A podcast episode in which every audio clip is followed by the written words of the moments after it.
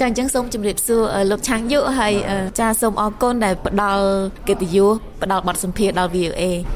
ចាជាដំបូងនេះខ្ញុំចង់សួរថាតាមរយៈបទពិសោធន៍លោកផ្ទាល់តើលោកសង្កេតឃើញថាយុវជនខ្មែរយើងគាត់មានការយកចិត្តទុកដាក់ក៏ដូចជាមានចំណេះដឹងអំពីប្រវត្តិសាស្ត្រខ្មែរយើងទាំងប្រវត្តិសាស្ត្រសម័យបុរាណនិងប្រវត្តិសាស្ត្រសម័យទំនើបបានប៉ុណ្ណាដែរចាបាទទី1អឺមុខវិជ្ជាប្រវត្តិសាស្ត្រនេះមានបង្រៀននៅក្នុងសាលា អញ្ចឹងសាលាកម្រិតកម្រិតឬដាក់ឲ្យរៀនប៉ុណ្ណាគឺយុវជនយើងខ្ញុំគិតថាដឹងប៉ុណ្ណឹងដែរប៉ុន្តែអ្វីដែលជាជា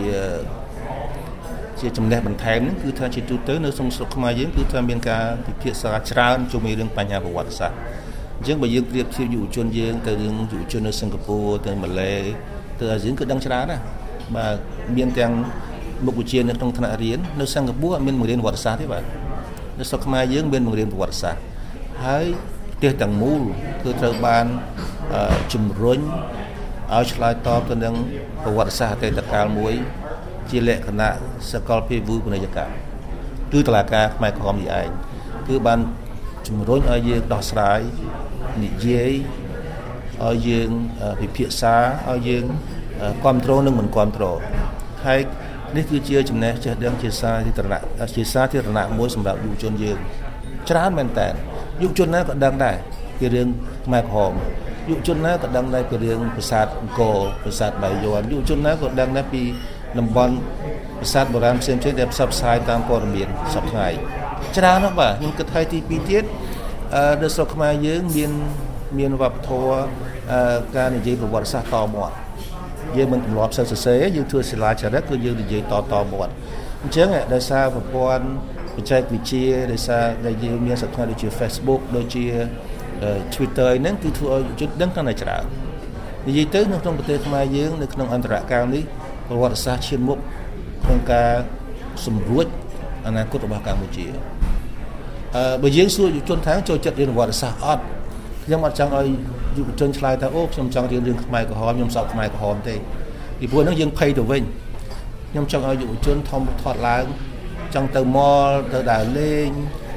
មានសេរីភាពអឺមានសង្សារទិញ CD អីអញ្ចឹងបាទហ្នឹងយុវជនគួរតែរស់នៅមានសេរីភាពពេញលេញ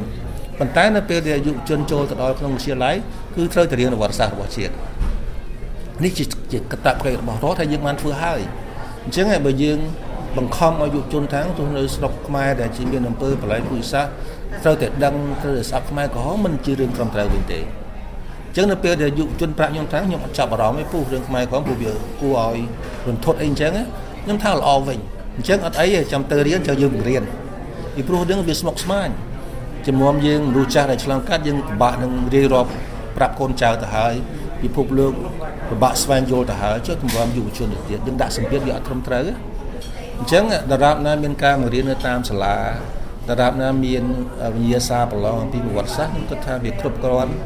ជាមូលដ្ឋានសម្រាប់យុវជន ស្វែងយល់ទៅថ្ងៃអនាគតទៀតអញ្ចឹងមានន័យថាយុវជនគ្រាន់តែអាចស្វែងយល់ពីប្រវត្តិសាស្ត្រខ្លួនឯងហ្នឹងតែត្រឹមកម្រិតមូលដ្ឋានទៅបានហើយក្រៅពីនេះខ្ញុំចង់និយាយថាយើងផ្ដល់កម្រិតជាមូលដ្ឋានឲ្យយុវជនរបស់យើង ប៉ុន្តែមានមានធនធានមានមានប្រភពផ្សេងផ្សេងទៀតដែលបើសិនជាយុវជនចង់ត្រូវការស្វែងយល់បន្ថែមសិក្សាបន្ថែមគឺមានបើកទូលាយចង់ទៅទួលស្លែងក៏បានចង់ទៅជើងឯងក៏បាននៅស្រុកខ្មែរយើងបណ្ដាសាកសពគ្រប់កន្លែងយុវជនចង់ទៅក៏បានប៉ុន្តែយើងមិនត្រូវដាក់សម្ពាធថាយុវជនត្រូវតែទៅទួលស្លែងថាយុវជនត្រូវតែទៅមើលដណ្ដើសាកសពថាយុវជនត្រូវតែសពខ្មែរផងខ្ញុំចង់និយាយអញ្ចឹងយើងមិនត្រូវដាក់សម្ពាធឬដាក់កំហិត ដោយសារយុវជនរស់ក្នុងប្រទេសមួយដែលឆ្លងកាត់អំពើប្រល័យពូជសាសន៍មិនត្រូវទទួលរងសម្ពាធថាត្រូវតែដឹងអញ្ចឹងនៅពេលដែលយុវជននិយាយថាមិនដឹងមិនចាប់អារម្មណ៍ក៏មិនអីដែរពីព្រោះយុទ្ធសាស្ត្រយន្តការដែលវាសមស្របដែលវាត្រឹមត្រូវគឺបង្រៀនជាលក្ខណៈវិទ្យាសាស្ត្រហើយយើងបានធ្វើជាមួយក្រសួងអប់រំហើយអញ្ចឹងហើយយើងគិតមើលនៅក្នុងចំណោមយុវជនយើងសិស្សថ្នាក់ទី7ទី8ទី9គឺមានអាយុ15ដល់6ឆ្នាំនៅក្មេងណា រឿងខ្មែរក្រហមរឿងអំពើបលែកពុយសាសជាបទឧក្រិដ្ឋកម្មប្រឆាំងនឹងមនុស្សជាតិជាបទប្រធានបទពិភពលោកអញ្ចឹងចំពោះយុវជនដែលមានអាយុ15 16 17ឆ្នាំសម្ពាធធ្ងន់ណាស់ណាឲ្យដឹងអំពីការកាប់សម្លាប់មនុស្ស2លាននាក់គឺធ្ងន់ធ្ងរមែនតើអញ្ចឹងជាមួយក្រសួងអប់រំគឺយើងបានដាក់វិញ្ញាសានេះក្នុងកម្រិតមួយដែលសមរម្យដែលវ័យយុវវ័យនឹងអាចទទួលយកបាន ប៉ុន្តែនៅក្នុងពេលដែលនៅសាលាមានបង្រៀនចឹងហើយនៅខាងក្រៅបញ្ហារឿងខ្មែរក្រហមនេះបានវិភាសាផុសផុលទូទាំងប្រទេសយុវជនទោះបីជាមិនចាប់អារម្មណ៍ក៏លឺទោះបីមិនចង់ឃើញក៏ឃើញតាមទូរទស្សន៍ទោះបីមិនចង់ដឹងឪពុកម្ដាយសិតតែជាជនរងគ្រោះពេលគាត់ធ្វើបន្ជុំពេលគាត់វិភាសាគ្នាគឺយើងឮថាគាត់និយាយអំពីសាច់ញាតិដែលបានស្លាប់អញ្ចឹងយើងមិនអាចរត់គេចពីប្រវត្តិសាស្ត្របានទេ យើងរស់នៅក្នុងប្រវត្តិសាស្ត្រខ្មែរក្រហមទាំងស្រុងពីព្រោះយើងមិនទាន់ឆ្លងកាត់មួយចំនួននៅឡើយទេអញ្ចឹងយុវជនគឺមានគ្រប់គ្រាន់ណានៅក្នុងថ្នាក់រៀននៅក្នុងផ្ទះជាសាធារណៈនៅក្នុងប្រព័ន្ធបច្ចេកវិទ្យាអន្តរជាតិគឺសម្បូរបែបអញ្ចឹងខ្ញុំគិតថាគ្រប់គ្រាន់គ្រប់គ្រាន់ហើយខ្ញុំមិនមិនបន្ទោស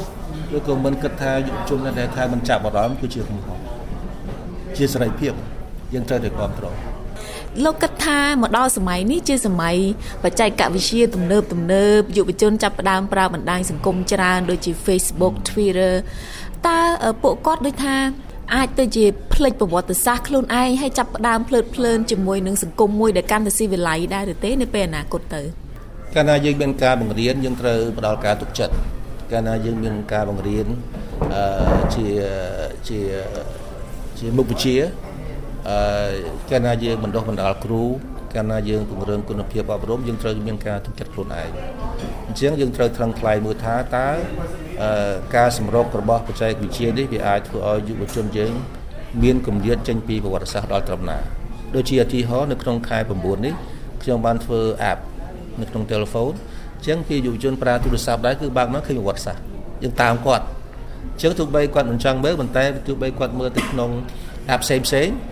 តែនៅមាន app មួយនិយាយអំពីប្រវត្តិសាស្ត្ររបស់ខ្លួនឯងអញ្ចឹងបច្ចេកវិទ្យាយើងត្រូវដើរតាមឲ្យតនដែរយើងត្រូវអឺវិវត្តប្រវត្តិសាស្ត្រនៅក្នុងបច្ចេកវិទ្យាដែរអញ្ចឹងអឺនិយាយទៅយើងប្រវត្តិសាស្ត្រហាក់ដូចជាស្រមោលគឺថាយើងជួនកាលយើងឃើញជួនកាលយើងអត់ហើយវានៅជាមួយយើងរហូតហើយនៅស្រុកយើងយើងមិនអាចកិច្ចវេះពីប្រវត្តិសាស្ត្របានទេអញ្ចឹងប្រឈមវាទៅជាជាងរត់តិចពីសមោលយើងប្រឈមវាទៅយើងរៀនវាទៅ អញ្ចឹងនៅក្នុងខែ9នេះមជ្ឈមណ្ឌលឯកសារកម្ពុជានឹងផ្សព្វផ្សាយ application មួយ នៅក្នុងទូរស័ព្ទដៃបាក់ឃើញមកមានទាំងអស់ហើយយើងដាក់ព័ត៌មានហើយយុវជនអាចឆ្លើយឆ្លងបានទៀតបើមានសំណួរយើងធ្វើយ៉ាងណាឲ្យត្រូវទៅនឹងសេចក្តីប្រាថ្នាចង់ដឹងរបស់យុវជនហើយយើងនឹង test វានៅក្នុងខែ6និងខែ8ក្នុងចម្រើនយុវជនមួយចំនួនដែលសិក្សាអំពីព័ត៌មានវិទ្យាថាតើវាស័ក្តិសមនឹង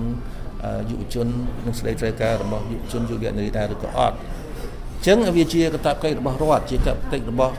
មនុស្សចាស់ដែលឆ្លងកាត់ដើម្បីបន្តការអប់រំប្រជាជននិងយុវជនរបស់យើង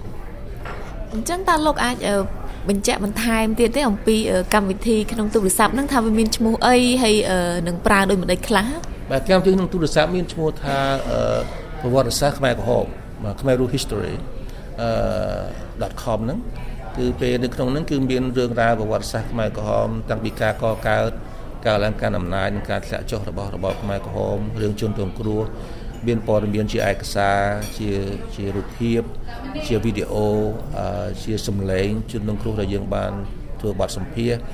មានបទសម្ភាសជាមួយនឹងអតីតកម្មាភិបាលខ្មែរក្រហមបាទមានជាគេហៅថាមានជារូបសិល្បៈមានជាផ្ទាំងគំនូរផ្សេងផ្សេង និយាយទៅឯកសារនៅមជ្ឈមណ្ឌលឯកសារទាំង1លានយើងព្យាយាមបញ្ចូលទាំងអស់បាទទាំងអស់តែម្ដងយើងចង់ឲ្យនៅគ្រប់គេអដ្ឋានមានប្រវត្តិសាស្ត្រមួយដើម្បីគាត់ស្វែងយល់ឬពិចារណានៅពេលដែលគាត់ត្រូវការអញ្ចឹងយើងយើងត្រូវប្រឈមនឹងប្រវត្តិសាស្ត្រជាជាងរត់កិច្ចបានន័យថាយើងមិនអាចរត់កិច្ចបានណានៅស្រុកខ្មែរយើងមានប្រជាជន15លាននាក់បាននៅក្នុងទាំងអស់នេះគឺមានយុវជនប្រហែលជា60%ជាងដែលកើតក្រោយសម័យខ្មែរក្រហមតើ យុវជនយើងកើតមកពីអ្នកណាពីឪពុកម្ដាយដែលជាជនរងគ្រោះទូទាំងប្រទេសទាំងអស់គ្នា បាទទាំងអស់គ្នាគឺសិតតែជាអ្នកដែលរស់រានមានជីវិតពីសម័យខ្មែរក្រហមជាងរឿងសប្តាហ៍ថ្ងៃនេះនៅបន្តកំពុងរស់នៅក្នុងអន្តរការនៃរបបខ្មែរក្រហមនៅឡើយទេចឹងការផ្សះផ្សាទាមទារឲ្យមាន ការដោះស្រាយផ្លូវច្បាប់ទាមទារឲ្យមាន ការបង្រៀនប្រវត្តិសាស្ត្រលក្ខណៈវិទ្យាសាស្ត្រត្រូវតែមាន ការផ្ដល់ព័ត៌មានគ្រប់លទ្ធភាពដែលអាចធ្វើបានត្រូវតែមាន ដើម្បីអ្វីដើម្បីឈានទៅកាន់អនាគតមួយ ដើម្បីបោះជំហានកសាងអនាគតមួយយើងត្រូវជំរះការមន្ទិលសង្ស័យពីអតីតកាលអញ្ចឹងនៅពេលដែលមានបច្ចេកវិទ្យាទំនើបយើងត្រូវតាមឲ្យទាន់បាទយើងមាន Facebook ក៏មាន Facebook មាន Twitter ក៏មាន Twitter មាន iPhone មាន iPhone បាទអញ្ចឹងអញ្ចឹងវាជាកតបកិច្ចរបស់មនុស្សធំយើងអត់អាចបន្ទោសក្មេងៗទេថាអូភ្លឹកភ្លើនភ្លេចនេះភ្លេចនោះ យើងមិនបង្រៀនផងទៅបន្ទោសក្មេងយើងមិនបង្រៀនក្មេងផងថាក្មេងមិនដែលទៅមើលសារមន្ទីរក្មេងមិនដែលទៅមើលកន្លែងវិលវិជាតិយកដល់ប្រាប់វាផងហ្នឹងអញ្ចឹងឆ្លៀតឱកាសហ្នឹងខ្ញុំសូមឲ្យឪពុកម្ដាយទាំងអស់ទូទាំងប្រទេសឆ្លៀតពេលវេលាមួយនៅក្នុងជីវិតប្រាប់រឿងរ៉ាវដល់កូនចៅអំពីអ្វីដែលបានកើតឡើងទៅតាមអ្វីដែលខ្លួនអាចធ្វើបានខ្ញុំទទួលស្គាល់ថារឿងខ្លះឈឺចាប់រឿងខ្លះពិបាកនឹងពណ៌នា ប៉ុន្តែសូមនិយាយរឿងណាដែលអាចនិយាយបានប្រាប់កូនចៅថារឿងនឹងបានកើតឡើងយើងខ្ញុំគិតថាបើសិនជាឪពុកម្ដាយទាំងអស់ទូទាំងប្រទេសកម្ពុជាប្រាប់កូនខ្ញុំគិតថាប្រវត្តិសាស្ត្រយើងមានជីវិត ហើយយើងមានតម្លៃថាយើងបានឆ្លងកាត់បានរស់ហើយបានកសាងសង្គមគ្រួសារថ្មីឲ្យដើរទៅមុខហើយជាវិធីមួយដ៏ល្អបំផុត ហើយសាមញ្ញបំផុតហើយជាវិធីមួយដែលកសាងគ្រួសារដែលបាត់បង់នៅក្នុងសម័យខ្មែរផង ចាតាមខ្ញុំដឹងឪពុកម្ដាយខ្លះគាត់អត់ចង់និយាយប្រាប់ដល់កូនដូចថាគាត់បាក់ស្បាតគាត់និយាយទៅគាត់ឈឺចាប់ណាចាហើយដល់ពេលអញ្ចឹងទៅគាត់ពិបាកនឹងថ្លែងប្រាប់កូនថាគាត់ឆ្លងកាត់ប្រវត្តិជូរចត់យ៉ាងម៉េច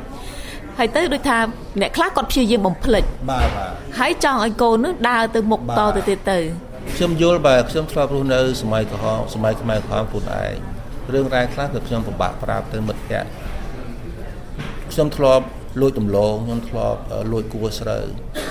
ទោះបីខ្ញុំមានហេតុផលថាពេលនោះយើងអត់អាហារយើងត្រូវការលួចរបស់ដើម្បីរស់មានរៀនមានជីវិត